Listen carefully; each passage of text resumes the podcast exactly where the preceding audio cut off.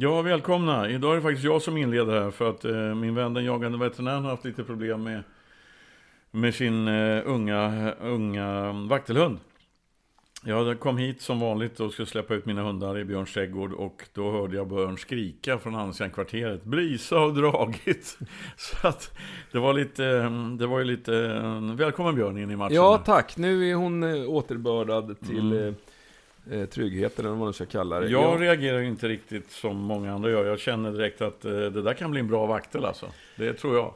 Ja, det är, vi får hoppas det, för det är det hon har kvar att bevisa. Annars så, så, så ligger hon på minus. Nej, men, men hon är självständig, hon fattar egna beslut, hon är glad och lycklig och drar. Eh, om hon känner vittring så drar hon, så får du springa kvarteren här och göra det bästa för att fånga in henne. Det är skitbra. Det jag har sagt åt dig det, låt henne bli vild först, så att det är sök och tryck i jakten och sen hämtar du hem henne. Nu är hon vild.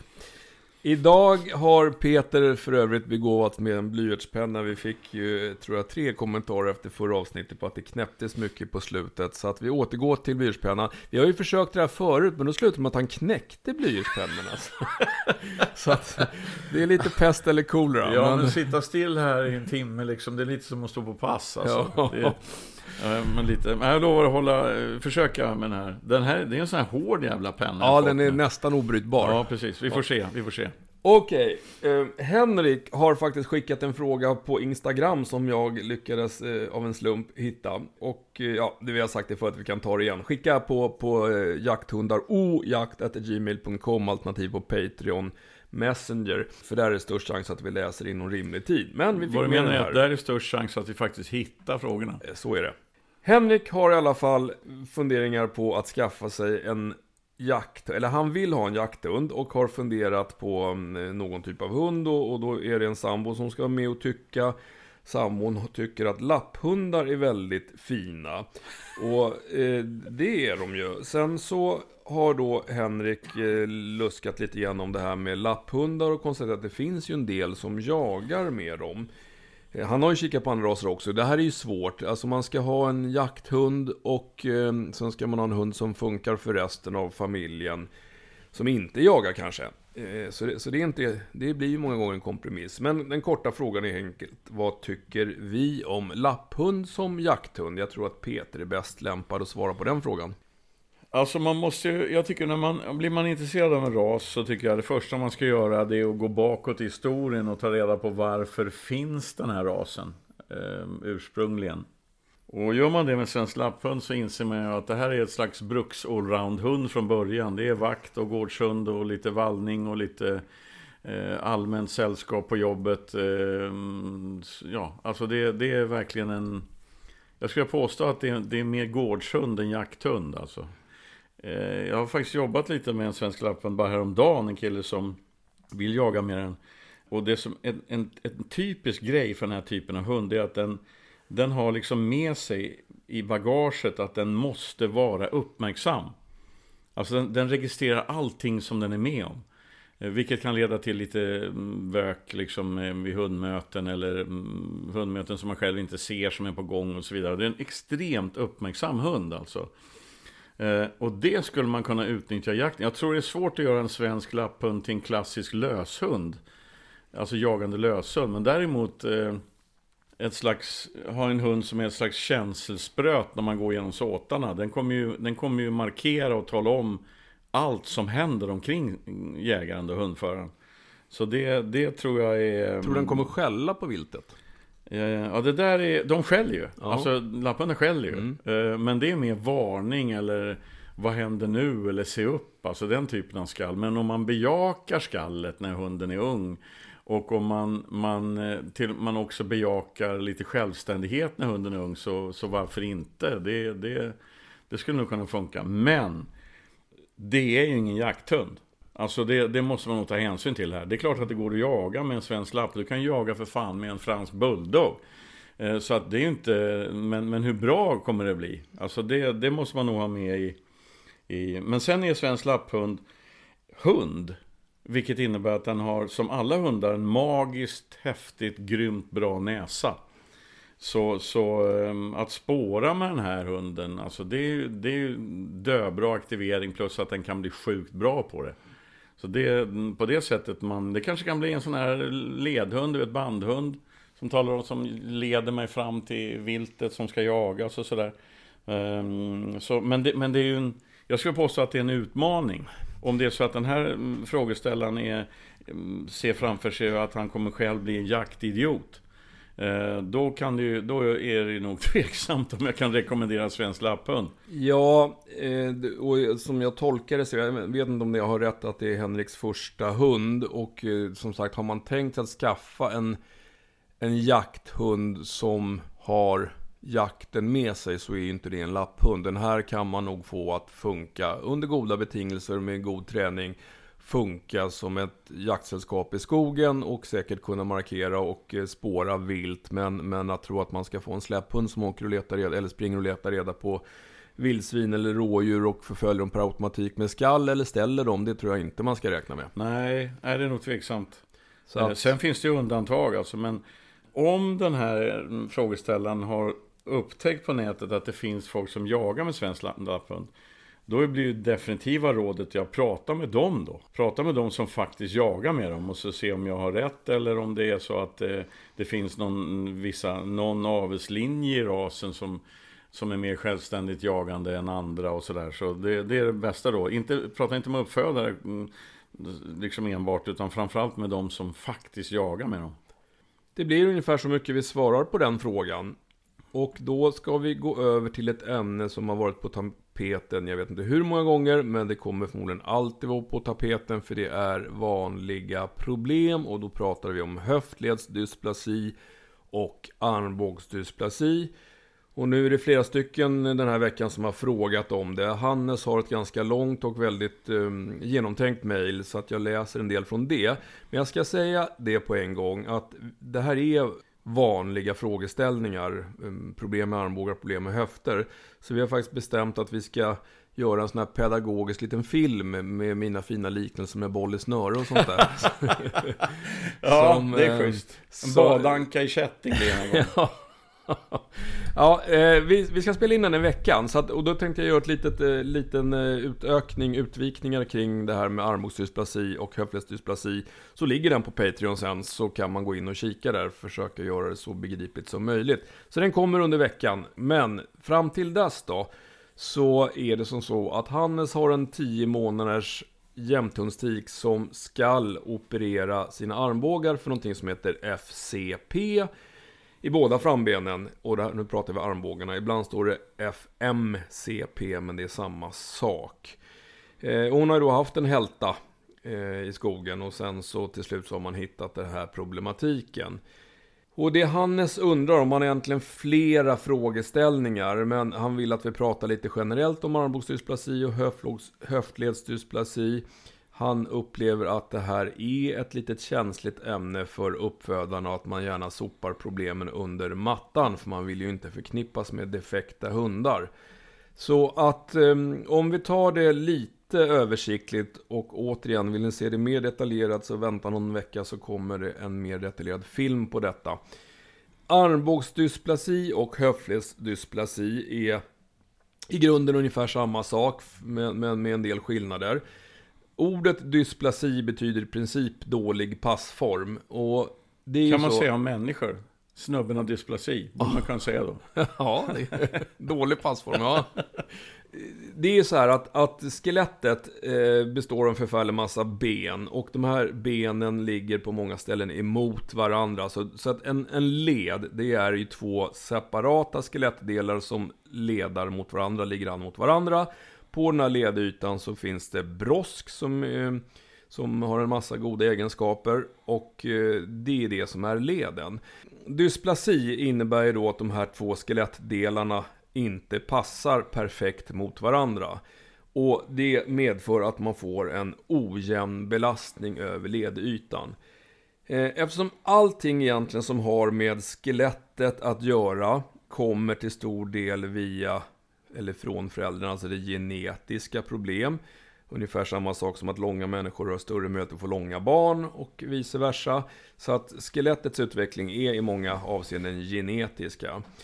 Eh, nu är de här lederna, armbågarna och höfterna, väldigt olika. Armbågsleden är en så kallad gångjärnsled medan höftleden är en kulled. Men, men grundproblematiken är helt enkelt att under tillväxtfasen, och det här brukar vara någonstans mellan 5 och 7 månader, så växer de här benen till på ett sätt så att de inte passar bra mot varandra. Och då blir det problem. Därför att då får man en del av leden som belastas onormalt mycket medan en annan del av leden kanske inte belastas nämnvärt alls. Kroppen reagerar på det här, det blir en inflammation och så småningom så leder det till artroser. Man kan också ha broskdefekter eh, som, som ställer till det.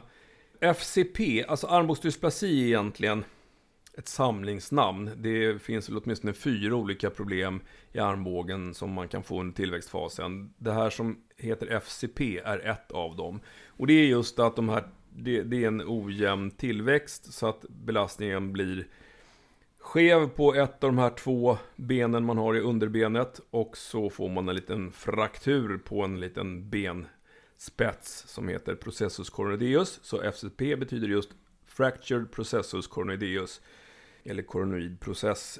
Och det är det som ska åtgärdas på den här unga jämthunden. Frågan då om prognos för att det här ska bli en bra jakthund är jättesvår att svara på därför att det beror på hur stora förändringar det har blivit i leden. Vad man gör är att man går in och plockar bort den här lösa benbiten, eh, den här frakturerade benbiten.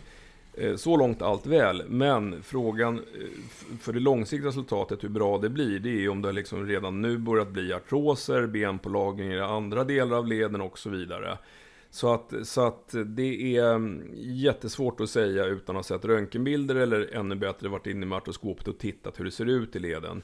Men normalt sett, om man hittar de här problemen tidigt och åtgärdar dem tidigt så är prognosen god för att det här ska fungera väl. Även om risken för att hunden utvecklar artrosen någon gång i framtiden är större än, än om den har en perfekt led. Så, så det, är, alltså det är ingenting. Sen, sen är det ju här med arv och miljö. Då. Jag läser ibland ja, såna här blogginlägg och eh, forum och grejer. Och säger att, att man ska sköta hunden på, man får inte gå i trappor med hunden, man får inte göra ditten och datten för då kan den utveckla höftledsdysplasi.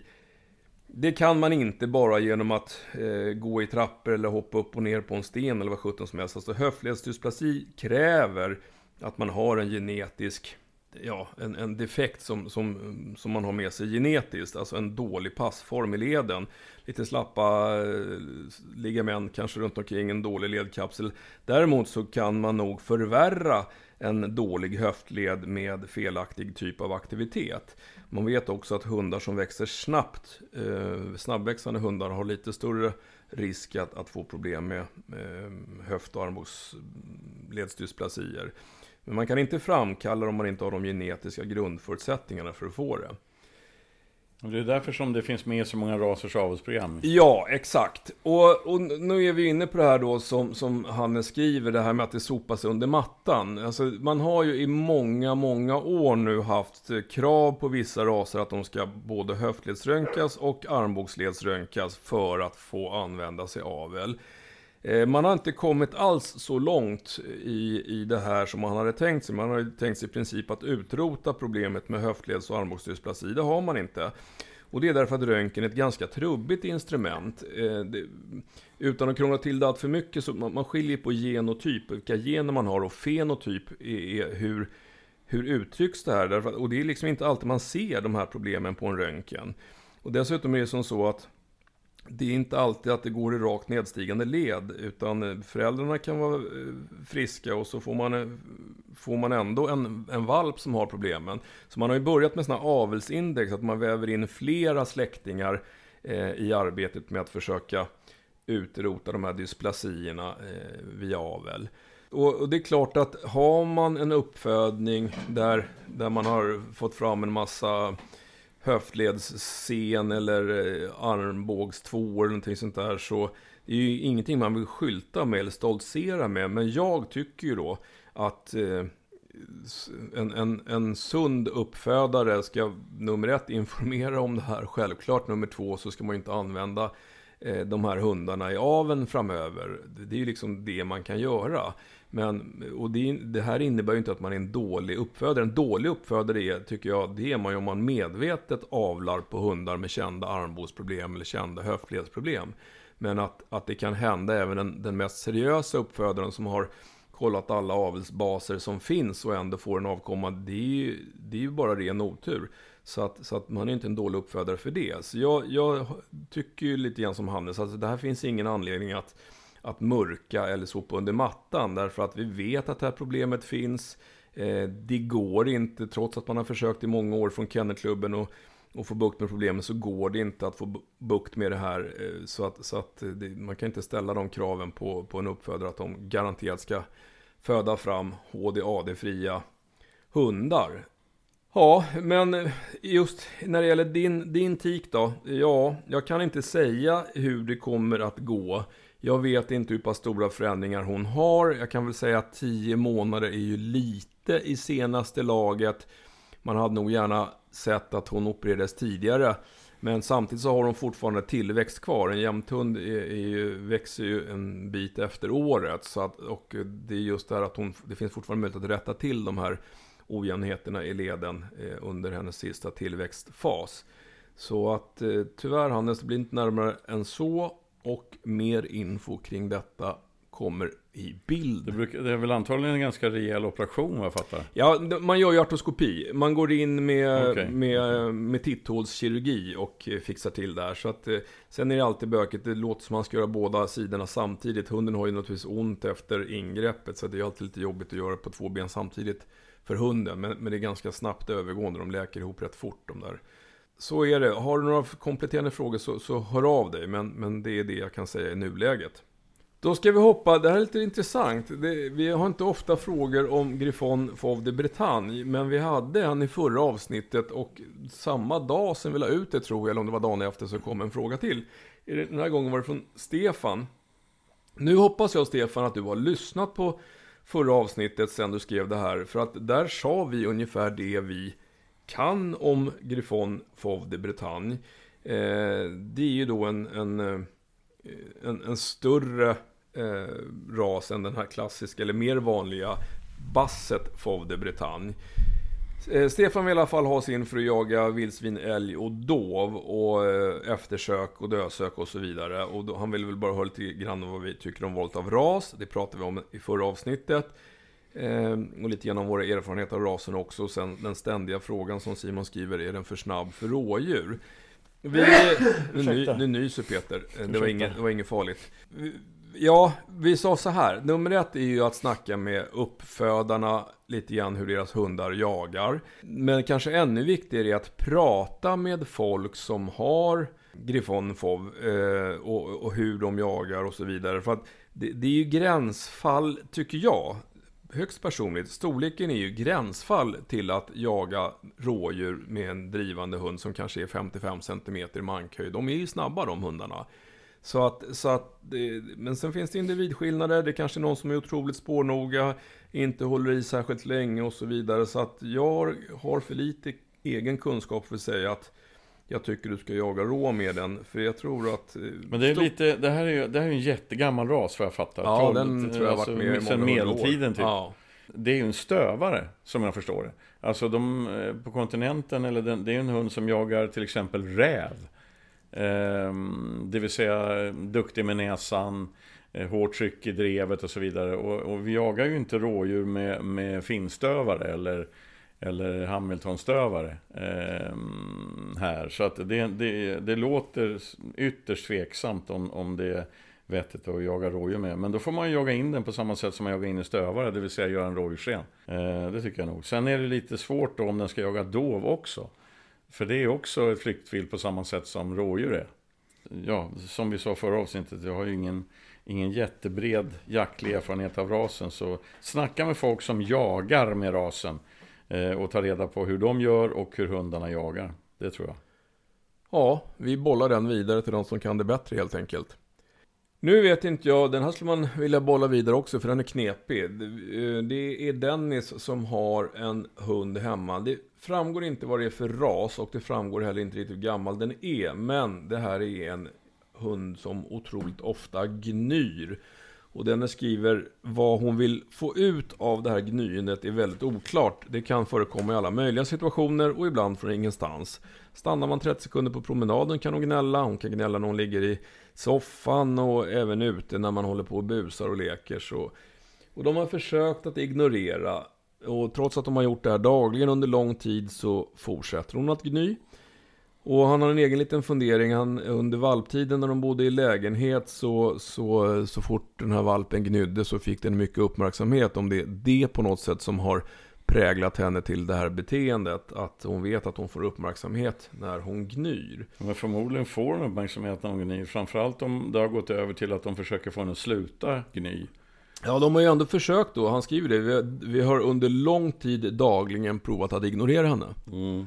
Men eh, det har inte velat fungera.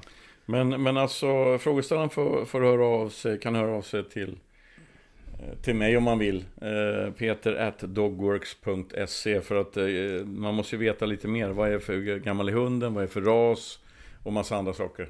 Om man ska kunna ge något råd. För det här är, det här är jättesvårt att svara generellt på.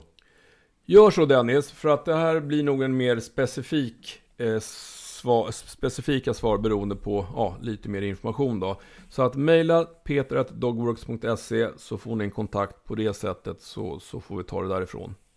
Då ska vi ta en liten tax som är nio månader.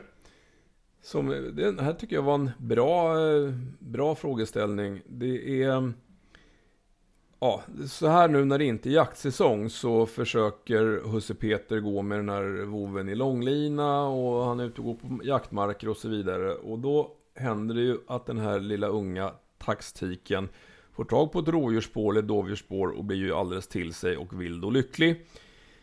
Men hur ska man agera här då? Därför att eh, man vill ju alltså inte ignorera henne och visa ointresse. Man vill ju heller inte fya henne och det blir ju också kanske lite jobbigt att låta henne fara runt där i linan. Eh, hur ska man agera för att inte förstöra hennes vilja att jaga? Ja, har han gott om tid på sig så, och hunden har hittat ett slag, om det är det det handlar om, så korta den där linan och låt henne mm, jaga i kopplet, typ i linan. Låt, häng med henne i skogen bara.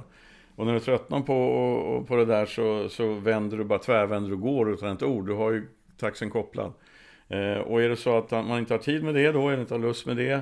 Ehm, jag har ju en ung hund eh, och eh, hon har ju lärt sig läget nu då. Men tidigare så blev hon ju fullkomligt sjövild i kopplet om hon hittade det vilt som hon letar efter. Jag brukar göra så att jag alltid har en karbinhake, en bälteshållare. Jag har faktiskt designat en egen nu.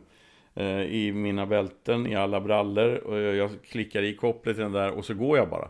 Jag bara går. Totalignorerar det och går. Därför att ingen hund född vill bli släpad, hon kommer att hänga med och ändå blir det ingen ryck i kopplet utan man liksom sveper med hunden då när, man, när, sitter fast, när kopplet sitter fast på kroppen och inte i mina händer. Eh, jag låtsas inte om vad som händer helt enkelt. Och, och det har ju lett då till att när jag nu är vi ute och knallar eh, två hundar. Eh, så det hände faktiskt i morse. Så, så stelna, först stelna orka. Och då vet jag vad som händer. Då sa jag orka inte nu, då lägger hon av direkt. Men unghunden har ju inte sån ja, jag har inte, liksom, har inte den, riktigt den uppmärksamheten ännu från henne. Så att eh, hon drar då i kopplet och vill in i skogen. Eh, vädrar som fan. Och så kommer skallet igång då. Eh, då går jag bara. Jag bara går helt enkelt. Och när husse ignorerar det där så dröjer det inte många, många steg förrän hunden släpper. Eh, det sabbar inte hennes jakt, det sabbar inte hennes, kommer inte sabba hennes sök eller hennes vilja att förfölja eller någonting. Eh, utan jag bara ignorerar och går. Men däremot om man börjar fya i det läget eller, eller belöna med godis för att hunden ska komma eller någonting annat.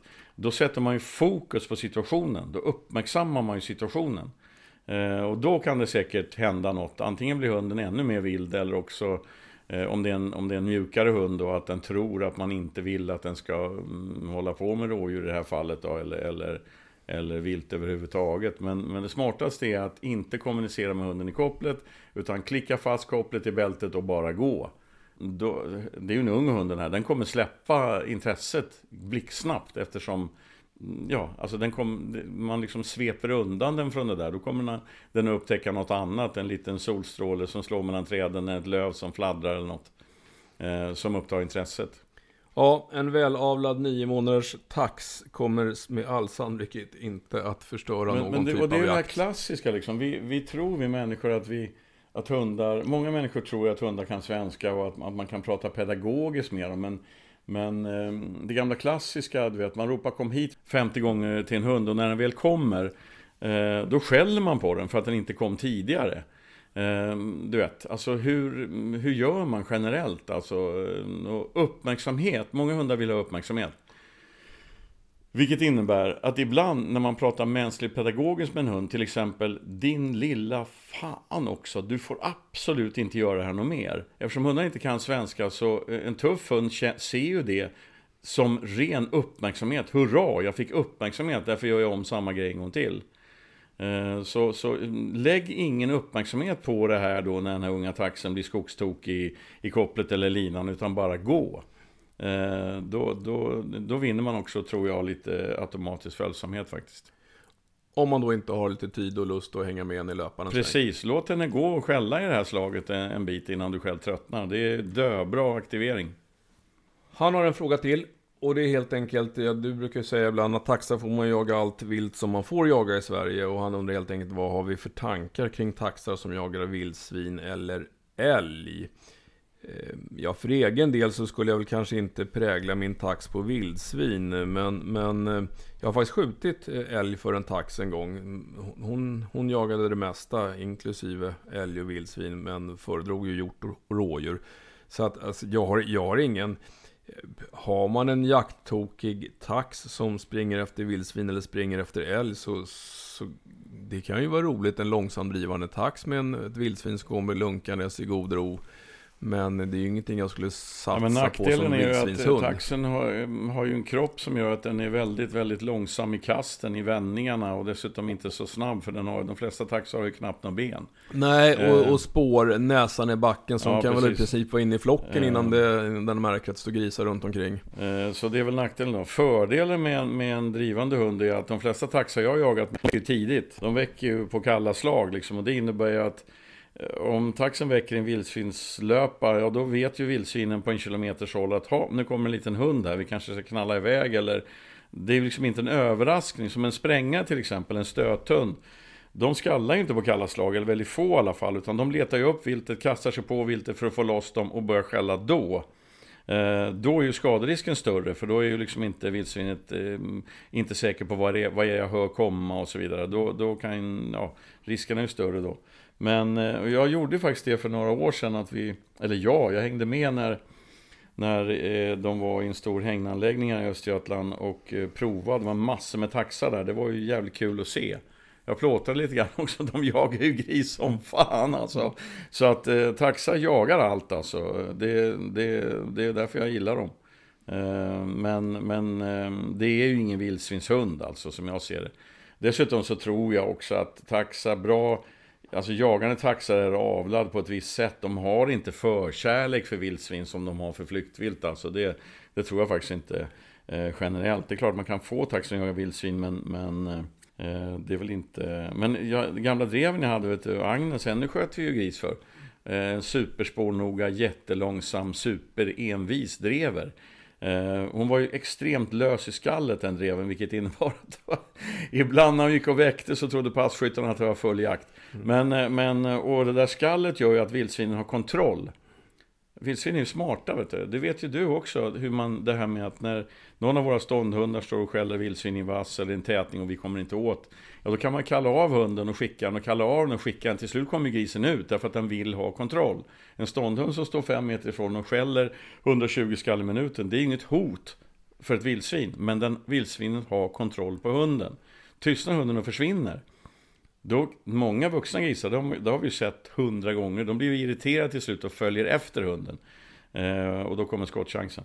Men så att eh, när en tax, en lös mm, skallande tax kommer dånande i skogen alltså, eh, då, det skrämmer ju ingen gris kan jag säga.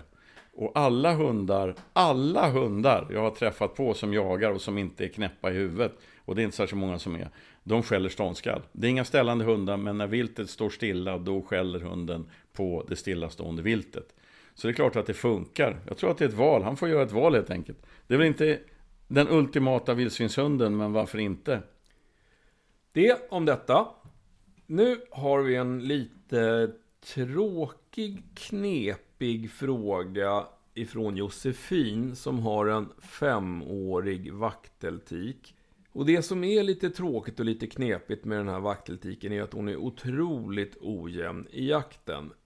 Och Matte Josefin har gjort det mesta av det vi brukar tipsa om. Eh, lånat ut eh, tiken till andra hundförare, nonchalerat hunden i skogen, gått med henne i löperna. Därför att ojämnheten består i att vissa dagar jagar hon helt fantastiskt bra. Far runt som en tok och, och verkar framförallt föredra dovhjort. Men andra dagar är det som att hunden inte ens vill jaga. Den, hon kan springa efter, ge något skall och komma tillbaks. Och, eh, ibland vill hon inte förfölja viltet trots att hon ser det. Eller det nyligen har gått förbi och så vidare. Så att, så att eh, skadat vilt däremot, då, hon, då kör hon på tills hon får tag på dem helt enkelt.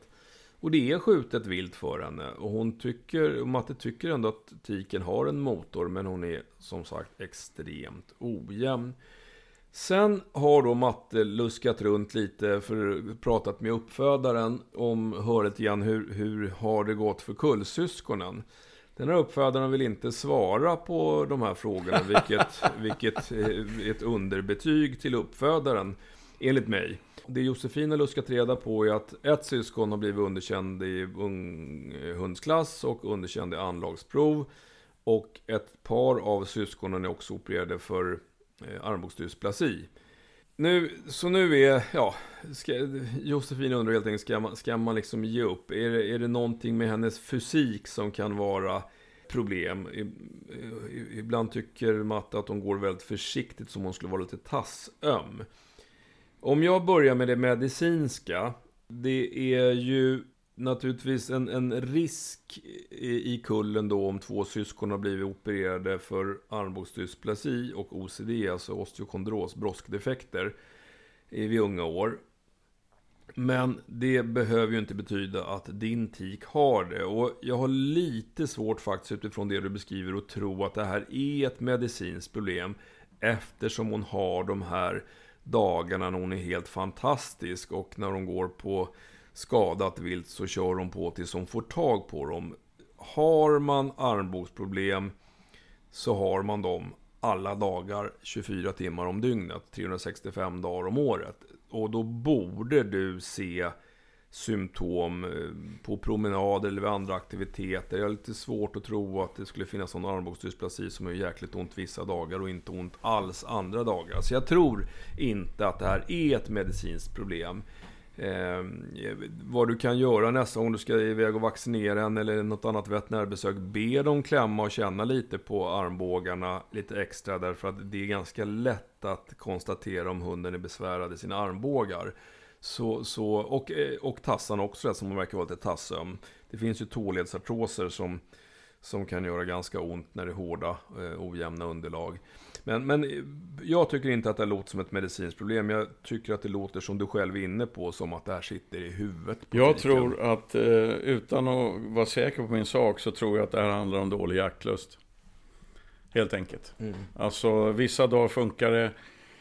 När hunden är på hugget, vittringen är på ett visst sätt, det är lätt att jaga. Hon, sa, hon skriver ju att, att hunden föredrar dåvilt. Och dåvilt är ju bland det lättaste som finns för en hund att jaga. De luktar ju rätt så rejält. Eh, enkelt flyktvilt liksom. Eh, ofta är ju dovhjortar fler än en dessutom. Eh, vilket gör att det är lite roligt för hunden då. Jag tror helt enkelt att det, och det, det som beskrivs som uppfödarna som inte vill berätta vad de andra, eh, hur de andra valparna är och lite sånt. Eh, det är också lite skumt eh, tycker jag. Eh, utan att, utan att egentligen känna någon inblandad här så... Eh, och, och mm, Okej, okay. jag tror att det här handlar om dålig jaktlust helt enkelt. Och det är lite ett, eh, har varit en, en smitta i jakten Sverige i vissa raser. Att man har tagit för lite, för lite hänsyn till hur jakttokig är den hund och de hundar som man eh, har planerat att avla på. Jag snackar faktiskt bara häromkvällen med en uppfödare jag känner som eh, lyckas ganska bra med sitt, eh, sitt jobb. Eh, för jag tipsade, eller jag lyckades få en kompis att ställa sig i valpkö där. För det är den tiden på året nu. Eh, han är rörande överens med mig om att det, vissa saker går liksom inte att lära en hund. Eh, och grunden när jag letar en valp, det är två grejer. Så mycket jaktlust som det går att hitta och mental stabilitet. Har man, har man det i botten så kan man ju liksom styra hunden. Men vissa grejer går inte att... Du kan inte lära en hund att bli... Att, att, så att den får en ökad jaktlust liksom. Men tipset till den här eh, hundföraren, det är ju att titta på din hund. Hur jagar den? Eh, och hur kan du dra som mest nytta av den? Om det nu är så att den här hunden tänder till som fan när det är stresshormon i luften, alltså ett skadat vilt. Ja, men jobba mer än så då. Alltså, mm, då, då, har, då har hon ju en lös eftersökshund som verkligen fungerar. Eh, där är en uppgift. Eh, är det så att eh, det som hon uttrycker själv, en ojämn dag eller en dålig dag. Ja, bryt första såten, stoppa hunden i bilen och släpp en annan hund. Alltså utnyttja hundens kapacitet. Mm, utnyttja hela hundens sätt att jaga liksom. Och anpassa ditt eget, om, om, om du gillar hunden. Är du trött på hundjäveln, jag omplacerar den då. Men gillar du hunden som individ betraktat hemma och på alla möjliga vis. Eh, så, så utnyttja hundens förmågor och använd hundens förmågor där de förmågorna passar. Eh, och, och, och, och lägg ner kraven då. För att eh, en vaktetik som är fem år, som är så här ojämn och varannan dag jagar pissdåligt, ja, det, det, då får vi räkna med att det kommer vara så resten av den här vaktens liv. Hade hunden varit nio månader, ja, då hade vi kunnat ha någonting att jobba med. Men, men hon jagar uppenbarligen mycket med hunden eftersom hon har berättat det hon har berättat. Så, det, så skulle jag tänka. Sen, fem år gammal. Börja leta nästa valp nu och var mer noggrann i valet av valp, valet av uppfödare. Var, var, var hård där liksom och sålla. Kill your darlings gäller när man ska välja uppfödare och valp. Man blir lite besviken på, eh, vi var inne på uppfödare när det gällde HD och AD nyss, men, men en uppfödare som inte eh, vill prata om sina kullar, då, då kan man nästan förutsätta att det inte har blivit något bra. För är det någonting de pratar om sen när de har fått fram bra ja, ja, men så det. kommer. Så är det. Så att, så att, men, men det där är ett problem som har funnits. Nu tycker jag att det blivit mycket bättre just när det gäller vaktlar. Jag är ju partisk i det målet, men men, ja, men det har det, det har det. Ja, för, eh. förut avlades det på allt för att det blev så poppis med vaktlar. Men, mm. men nu tycker jag att man har stramat till det och många, många jätteduktiga uppfödare. Så att, eh, Ja. Men jag menar, ska man, ska man, är man ny liksom och, och, vill ge sig in i det här och leta och titta på jaktprov och grejer. Nöj dig inte med att titta bara på poäng, poängen. Utan gå in i domarberättelsen och kolla hur jagar föräldrahundarna? Hur jagar mormor och morfar och hela grejen? Är det så att, att eh, jag har en kompis eh, som du också känner, eh, en riktig jaktidiot till, till hundförare. Ehm, han letar, när han läser domarberättelser så vill han hemskt gärna hitta de hundarna som inte går att koppla. Mm. Därför att då, då vet han att det är sjukt mycket jaktlust. Hunden jagar tills den har jagat färdigt. Och sen försöker han jobba, då får han en jaktidiot till valp och sen försöker han jobba in den istället. För han vill verkligen ha hundar som ligger ute hårt. Va? Så var noggrann nästa gång du väljer valp. Och sammanfattningsvis det tråkiga beskedet från oss, eller framförallt från Peter, är ju då att det är förmodligen så att den här hunden aldrig kommer bli mycket bättre än sådär. Men ta vara på de fördelar och styrkor hon har. Precis, precis. Mm. Och ett, en idé där då om hunden är skitduktig på, på skammat vilt, alltså, eller på stresshormon. Eh, om den tänder då, ja men gå, gå en eftersökskurs då.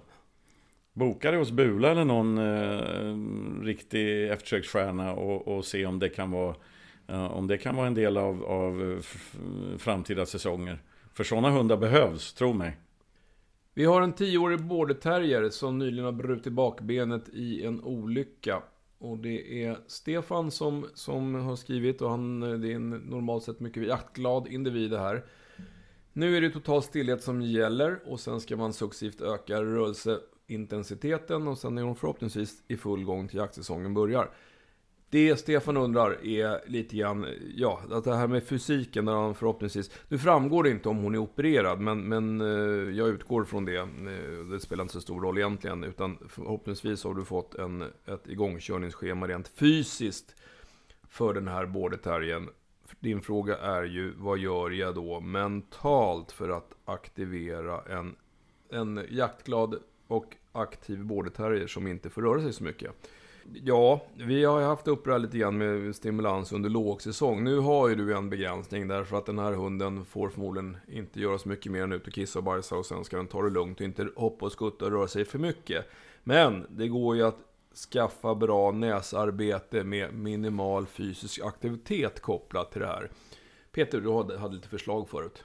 Eh, mental aktivitet, det bästa sättet är att använda hundens näsa. Alltså. Och jag menar, det, då tänker de flesta på spårarbete och följa slag och sånt där. Men, men eh, är det så att borderterriern gillar köttbullar, ja men visa hunden en köttbulle, stäng in i ett rum, gå i ett annat rum, lägg köttbullen på golvet, lägg en handduk över den där och sen släpper du ut hunden igen. Så får hunden själv masas ut på sina tre ben och sen jobba med den här handduken tills den vinner köttbullen. Det låter som en skitfånig grej liksom, men tro mig, det är mental aktivering. Ett, ett, eh, han, hunden ska ju få gå ut och kissa och bajsa, trots att den bara har tre ben att gå på. Ja, men låt hunden bajsa och sen, så, sen plötsligt så böjer du ner och stirrar någonstans. Ja, då har du lyft på lite mossa och lagt ett tuggben där eller någonting annat som hunden får. Vad händer nu? Och så får den jobba eh, och så vinner den. Alltså det behövs inte så mycket för att göra hundar glada liksom, och stimulera mentalt. Små grejer. Använd fantasin och anpassa nosarbetet till hundens rörlighet. Skulle jag vilja säga. Det, det, det går att göra. Men vi, vi, vi låser oss ofta i nu ska jag aktivera hundens näsa. Då lägger jag ett vilspår. 600 meter, två vinklar, tre bloduppehåll, klädnyp i träna och, och lite annat skit. Alltså det, det, det är mycket, jag gör aldrig det för att jag tycker det är så förbannat tråkigt. Utan det, det, är, det är liksom överraskande miniövningar där hunden måste använda sin näsa. Mm. Och, och har du en matglad hund så kan man ju faktiskt ta ta middagen och sprida ut den under fyra handdukar så får den käka middag genom precis, att leta reda precis. på det där va? Det, är... Jag menar, det, det går ju, och tro mig, sådana små grejer som stimulerar hunden på det sättet Det blir ett slags explosionsmental stimulering under en kort stund Sen går hunden och lägger sig och sover i två timmar eh, det, det, det, är i alla fall min erfarenhet. Så använd fantasin, gör enkla övningar. Men se till att hunden jobbar med näsan, för det är bästa sättet att stimulera hundens mentala krafter. En annan kär fråga som handlar om tonsiller. Äntligen! Det Tonsillerna! Ja, några avsnitt sen, men ja. det kommer en. Det här är Christer, han har en nobs som eh, han har varit i kontakt med oss tidigare. Som eh, plötsligt tappar fart i skogen och tappar köket och så vidare. Eh, nu har han varit hos en veterinär som kom fram till att den här hunden har en halsinflammation. Och då misstänker jag att det är en tonsillinflammation. Eh, alltså halsmandlarna. Det kan vara någon annanstans i halsen också, men det är ju det vanligaste. Hunden blev behandlad, jo, och att det här beror på, vilket jag har tjatat om så många gånger, en så kallad reflux, det vill säga sura uppstötningar. Vi har ju en väldigt, väldigt sur, nästan frätande syra i magsäcken och får man sura uppstötningar så när syran hamnar i svalget, i halsen så eh, finns det en risk att man får en halsinflammation. Man får ju tänka på att hundarna har ju lite annan anatomi än vad vi har. De, de har ju liksom sin magsäck ungefär i... De går på alla fyra, så de har ju magsäcken ungefär i, i höjd med svalget. Eh, vilket gör att det är lättare för Alltså, ska vi få en sur uppstötning så måste Syran den åka... har lättare att komma åt. Ja, men det är ju så. Vår syra måste åka rakt upp i luften så länge vi står upp, medan hunden har ju sin syra eh, mer lättillgänglig, om man nu kallar det så. Hur som helst så, så blev den här nobsen behandlad med inflammationsdämpande. Det blev bättre och sen eh, lite sån här Losec, eh, alltså som minskar surhetsgraden i, i saltsyran eller i magen. Eh, försvann kom tillbaka och då blev det kortison. Försvann, eh, kom tillbaka och nu ska de kolla eh, halsen igen nästa vecka. Nej, den här veckan faktiskt. Eh, Hus har också lagt om eh, mat, matregimen, så det är två gånger per dag mot en gång per dag tidigare. För att undvika att det är liksom väldigt surt och tomt i magsäcken mellan varven och så lite annat. Varför händer det här då? Och, och, ja, jag har redan sagt egentligen, alltså, man kan ha ett problem med, med övre magmunnen som, som gör att den inte helt sluter tätt. Eh, och det kan vara andra saker som gör att hunden får de här refluxerna eller sura uppstötningarna. Men, men vi har haft uppe det väldigt många gånger förut att tonsillerna, en tonsillinflammation Numera så är det, förr så opererar man alltid bort dem, numera är det vanligt att man försöker hitta den bakomliggande orsaken. Nu har ju husse gjort väldigt mycket, ursäkta, rätt saker för att komma till rätta med den bakomliggande orsaken, men det verkar ju ändå vara ett återkommande problem. Och behandlingsmässigt vad man kan göra? Ja, man kan då ge speciella typer av, av eh, foder. Eh, man kan behandla med, med Losec eller med Prasol eller något sånt här för att reglera ner, eller snarare upp pH-värdet lite grann i, eh, i den här sura miljön. Eh, och eh, det är liksom det som man kan, ja, ge fodergivor flera gånger per dag för att jämnare, en, en jämnare miljö i magsäcken. Har man ett återkommande problem så skulle jag nog, alltså det är inte ofta jag säger det här, men nu säger jag det. Eftersom det verkar som det här är ett återkommande problem, trots behandlingar och trots omställda eh, matvanor, då kan man operera bort dem.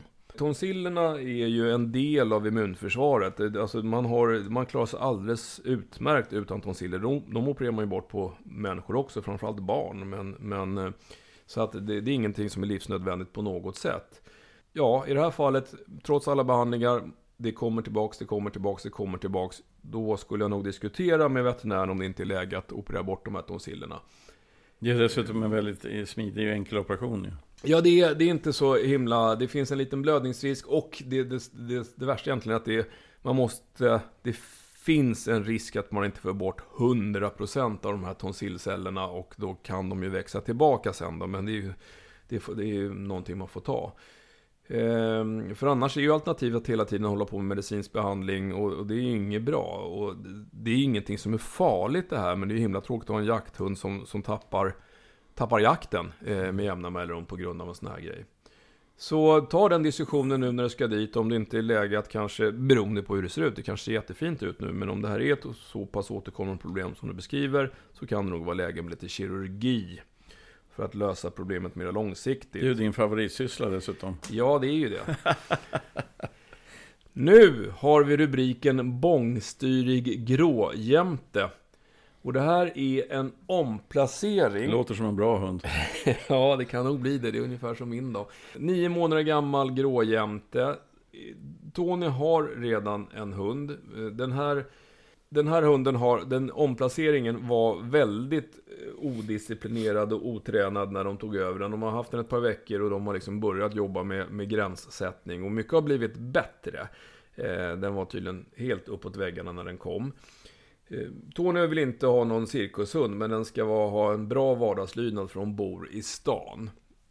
Det som är det stora problemet med den här gråjämten är att den jagar bilar. Han flyger två meter upp i luften så fort det kommer en bil i närheten. Och det, det, verkar inte vara som att han är arg på bilarna, för han står och ser ledsen ut och gnäller lite när de försvinner ur hans åsyn. Så att han tycker nog bilar är roliga. Jag sa ju det, det är en bra hund. Alltså. Ja, det kan bli riktigt bra det här. Eh, ja, den enkla frågan naturligtvis. Det, nu har ju, han har försökt med de här klassiska, gått in och försökt att backa honom och så vidare. Men eh, det har inte funkat. Vad gör man då då? De har haft den här hunden, det är en omplacering nio månader, de har haft den in, i ett par veckor eller något sånt. Och det har redan blivit bättre. Nu snackar vi lite tålamod här. Fortsätter ni att jobba med den här mm, blandrasen på det sätt som ni har gjort så kommer det bli bättre och bättre och bättre. Och funkar det inte med, med en korrigering, eh, ordet nej och hålla tillbaka i kopplet när den jagar bilar, ja men då tror den här hunden att ja, den får ju bekräftelse för det den gör. Liksom. Så antingen eh, jobba med att få in ett nej, få in en korrigering som fungerar i lugnare omständigheter. Vänta inte med den här rejäla korrigeringen ända fram till mitt i problemet, utan jobb, jobba fram eh, en, en förmåga att få hunden uppmärksam på det du gör, det du vill att den ska göra. Och sen eh, använda korrigering. Men det finns en annan variant också, eh, som på fint språk heter habituering. Det har jag pratat om förut, det vet jag, säkert flera gånger. Om man, om man går med den här hunden till ett ställe där det är väldigt mycket bilar som åker fram och tillbaks. Inte vet jag, det är någon rondell eller eh, utfarten från någon stormarknad eller ja, något. Och så ser man att det finns en, en bänk där, en parkbänk eller något. Eh, eller också har man med sig en lite bastant stol. Och så sätter man ner stolen här, sätter sig på stolen eller parkbänken och så binder man den här hunden i, i någonting väldigt fast, alltså in, man håller inte kopplet i handen, men i väldigt kort koppel. Hunden ska kunna sitta och ligga ner, men den ska inte kunna rycka iväg så att den gör sig illa helt enkelt. Eh, och sen sätter man sig där ner med hörselkåpor, en termos och en bra bok. Och så total ignorerar man hunden, den kommer ju gå i spinn, det är bilar överallt, den skäller och håller på. Men bilarna bryr sig inte om hunden. Och om hundföraren som sitter där total skiter i den här hunden, ingen reagerar överhuvudtaget på att hunden reagerar och agerar mot de här bilarna. Alltså, det här har jag testat när det gäller bilar och cyklar och allt möjligt. Ehm, eh, det kommer att leda till att så småningom, efter en minut eller efter en timme, så kommer hunden tänka, vad fan, det är ingen som, jag får ingen uppmärksamhet. Hur jag än gör, så då kommer hunden sätta sig ner. Så kommer den fortsätta skälla och gnälla på de här bilarna och så efter en stund kommer hunden lägga sig ner. Och är man tillräckligt uthållig och har tillräckligt mycket tålamod så 99 av 100 hundar kommer till slut rulla ihop sig och somna bredvid den här bänken. Har man kopplet i handen när man gör det här, då, då kommer man, tro mig, att kommunicera med hunden. Man kommer rycka den bakåt, man kommer säga nej, man kommer jucka i kopplet. Men i och med att den är bunden i väldigt kort koppel, den kan, sitter, kan sitta och ligga men inte rycka iväg så att den gör sig illa. Och ingen överhuvudtaget reagerar på att hunden reagerar. Varför ska hunden agera utåt när ingen bryr sig? Den här träningen, det här sättet att träna är faktiskt jävligt effektivt alltså. Eh, men det gäller ju att ha tålamod liksom och, och göra det här i rätt miljö.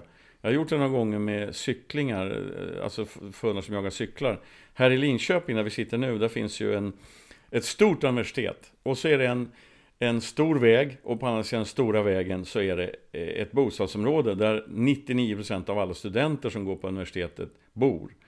Eh, mitt i samband med underfarten eh, under den här stora vägen så finns det en cykelrondell. Och på dagarna så är det nyktra studenter som cyklar där i miljontals och på nätterna är de berusade och har haft roligt. Okay? Men det är alltid studenter som cyklar i rondellen.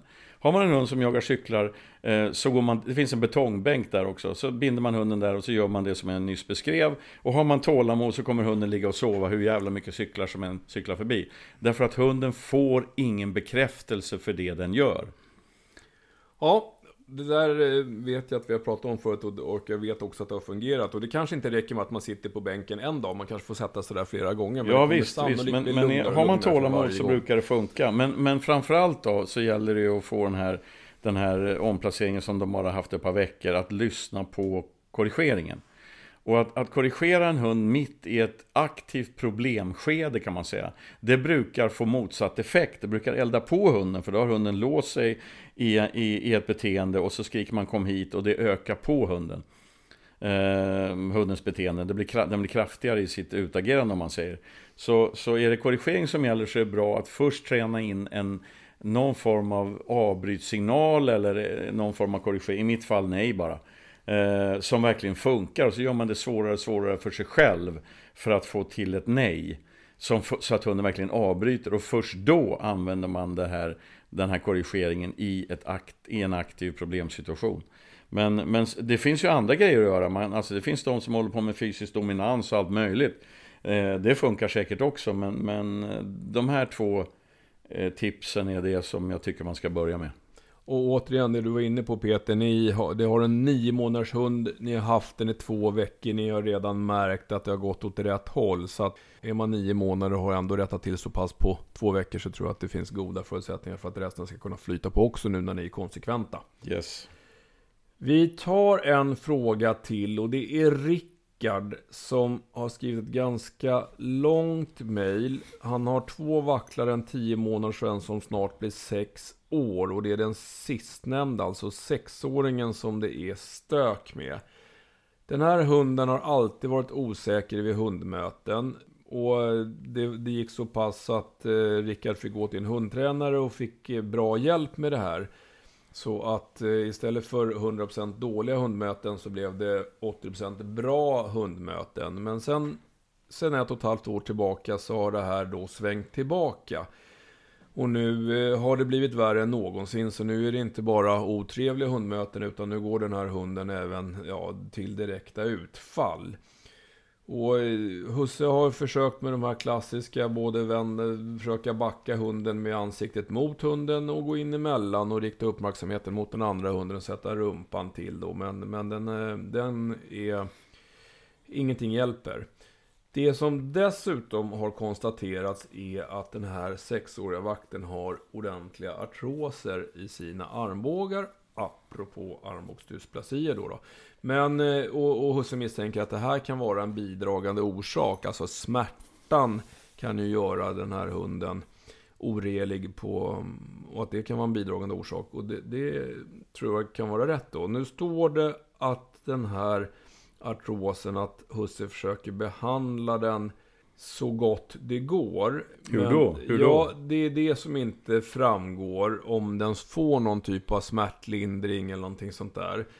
Eh, så För det är det första man tänker ja, på, eller hur? Ja, så, så, där Rickard, jag vet ju inte om den här hunden står på medicinering, någon av de här klassiska medicinerna. Eh, för det skulle jag nog annars testa. Eh, eh, att, att helt enkelt medicinera hunden och se om det blir någon skillnad. Sen är ju du inne på om det här nu kan ha blivit ett invant beteende. Även trots att den eventuellt då medicineras och att den fortsätter på samma sätt ändå. Eh, det verkar som den liksom låser sig på de här andra hundarna.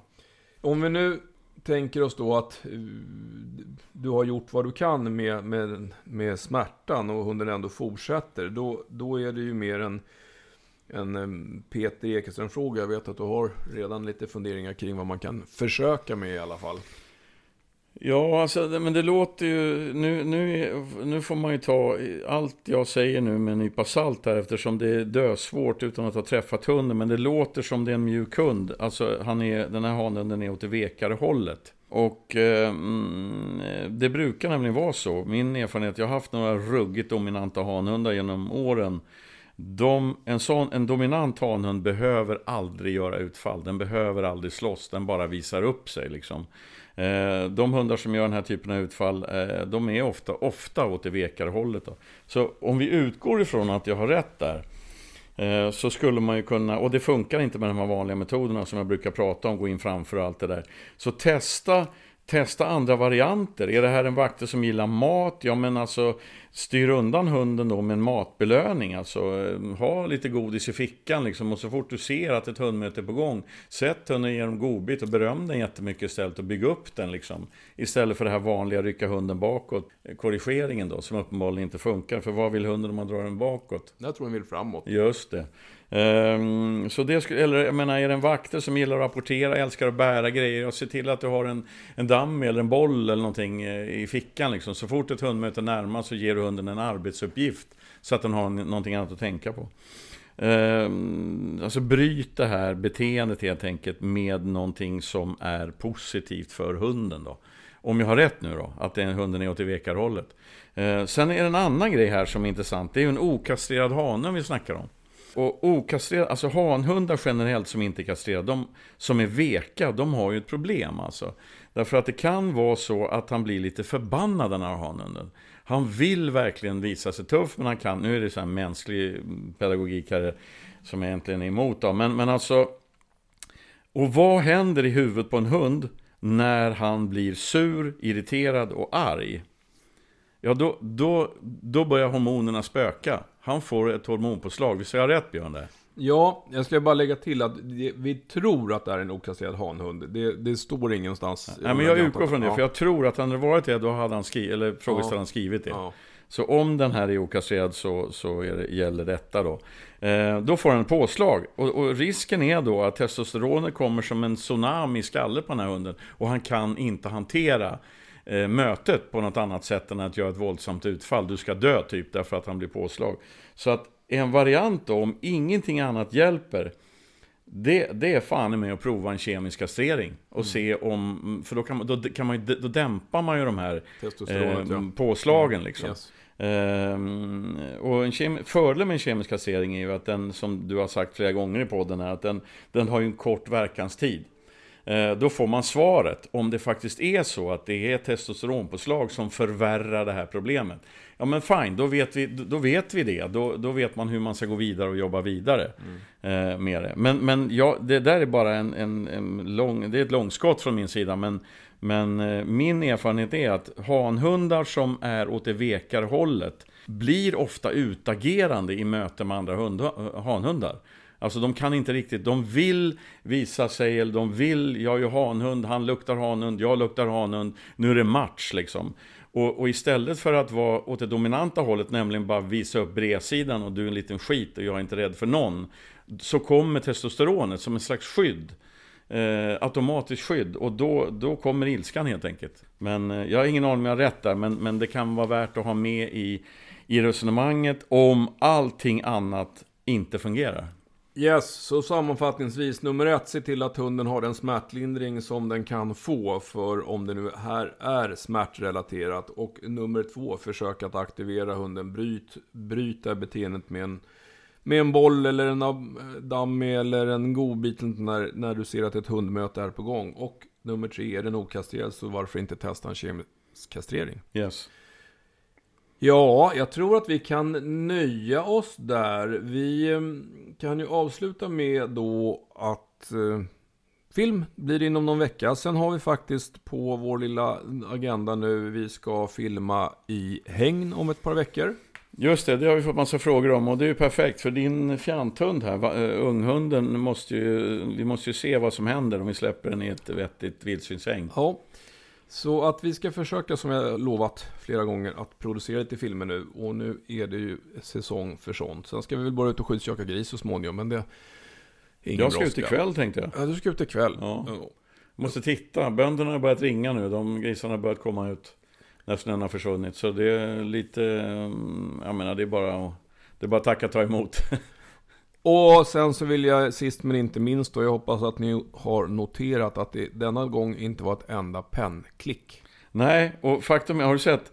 Jag vet inte om vi ska ta en bild på det, men jag lyckas suddgummit längst i änden på den här blyertspennan. Jag har lyckats pilla ut. Ja, men pennan är hel i alla fall. ja, precis. Ja. Då kan vi köra den pennan vid nästa inspelning också. Har samma vi... penna? Samma penna. Okej.